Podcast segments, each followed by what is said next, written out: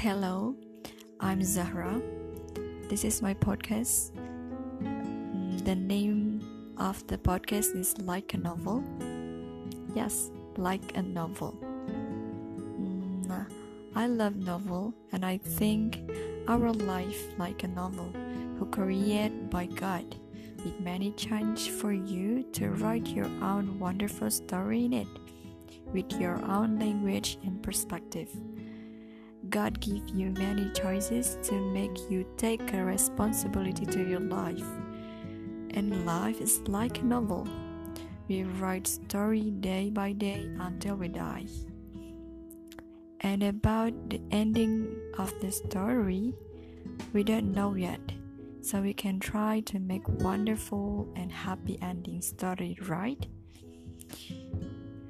I hope we can happy in hereafter.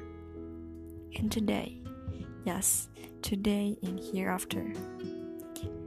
Sometimes many things happen like a scene of the novel that you have read. So I want to share my real life story and beautiful lesson of my of many novel that I have read. I want to read some page from a novel for me, maybe for you too.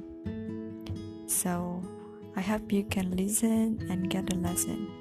Salam.